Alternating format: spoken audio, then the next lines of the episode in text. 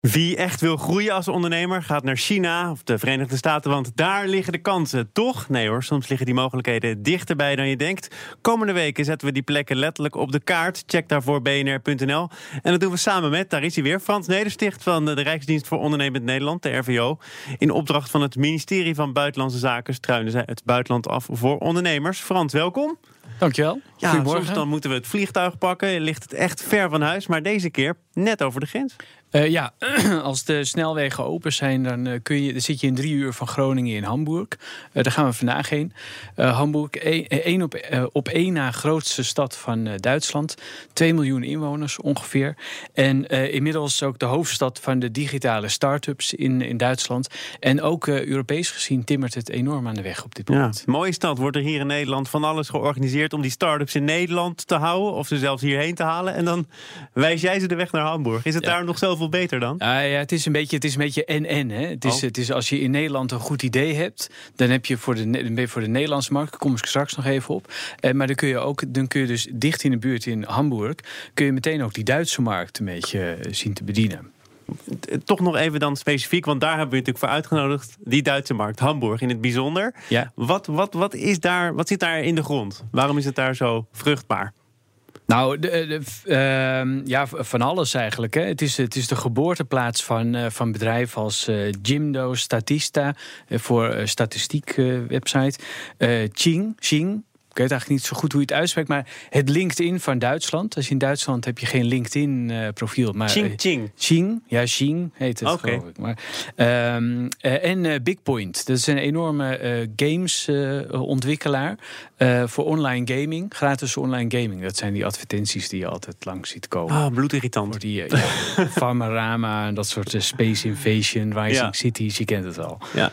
En dat, dat komt dan uit, uit Hamburg. Ehm, ehm, zijn er ook al, al Nederlandse eh, ondernemers actief? Of is het nu vooral nog een Duits feestje? Nou, het is inderdaad zeker eh, vooral een, eh, een, een Duits feestje op dit moment. Maar ook als Nederlandse ondernemer kun je daar hartstikke goed terecht. Het is een hele open cultuur. Hè. Er is in die, in die hele, in die hele start-up scene.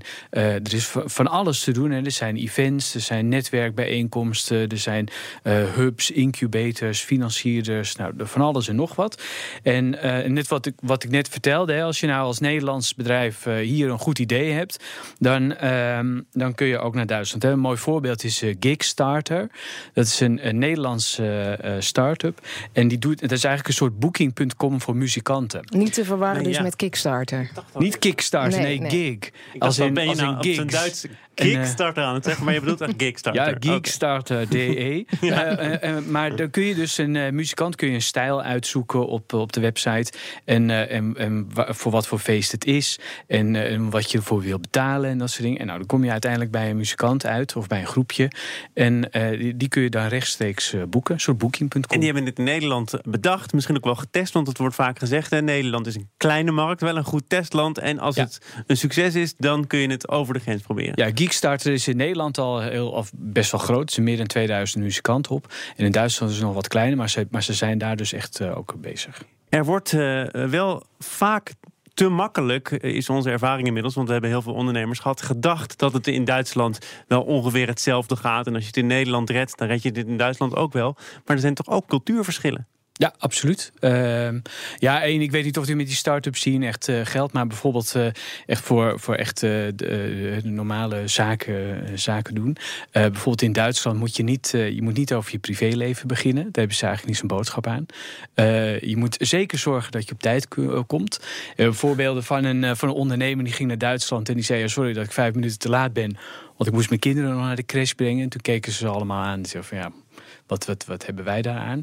En dus En zitten dan haal je zeker- ook nog weer je privéleven erbij. Het twee keer nou ja, fout precies. natuurlijk. Twee keer fout. En, eh, nee, maar, maar Duitsland is op zich, als je eenmaal binnen bent, is het echt een hele fijne markt om, uh, om Het zaken is ook te heel doen. hiërarchisch, toch? Nog steeds. Ja, dat klopt, dat klopt. Je moet wel precies weten met wie, je- met wie je aan tafel zit.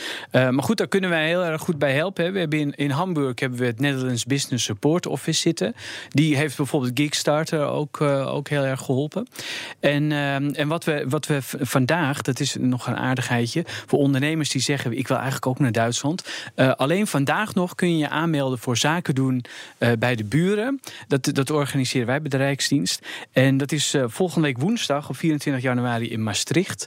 En dan kun je echt met de adviseurs ook aan tafel. En ook even kijken of daar wat netwerkmogelijkheden zijn. En anders kun je over twee weken altijd nog naar de bedrijvendag van de ambassadeursconferentie.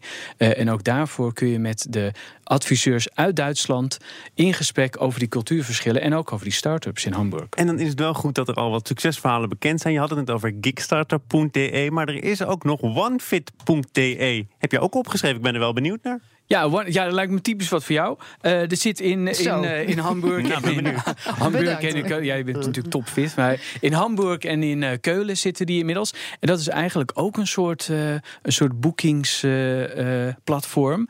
en dan kun je dus uitzoeken van, nou, ik wil crossfit of ik wil vooral krachttraining. Het is een sportscholen sportscholen platform. Hè, Nou, lijkt me ook typisch iets voor jou. Ja, en, of, ja, of hot yoga heb ik ook gezien. Als dat, als dat dan je ding is is, dan vul je dat in. En dan, en dan kom je op de Maastrichterstrasse in Keulen uit. En dan als je daar dan bent, nou ja, dan kun je daar, uh, daar bij die sportschool naar binnen. Hamburg, dat stond eh, deze week op het programma. Waar gaan we volgende week heen? Ja, ik, ja we hadden het eigenlijk over windenergie moeten hebben, uh, zoals uh, vandaag. Maar volgende week gaan we naar Odense, als ik het goed uitspreek. En het is in Denemarken, dus niet zo ver van Hamburg. en dan gaan we het hebben over drones en robotics. Ik weet niet of je het goed uitspreekt, maar je doet altijd wel je best. Ja, Odense. Ja, Odense, ja. Het zou best eens kunnen kloppen. Denemarken in ieder geval. Dankjewel, ja. Frans Nedersticht van de RVO. Goed, graag gedaan.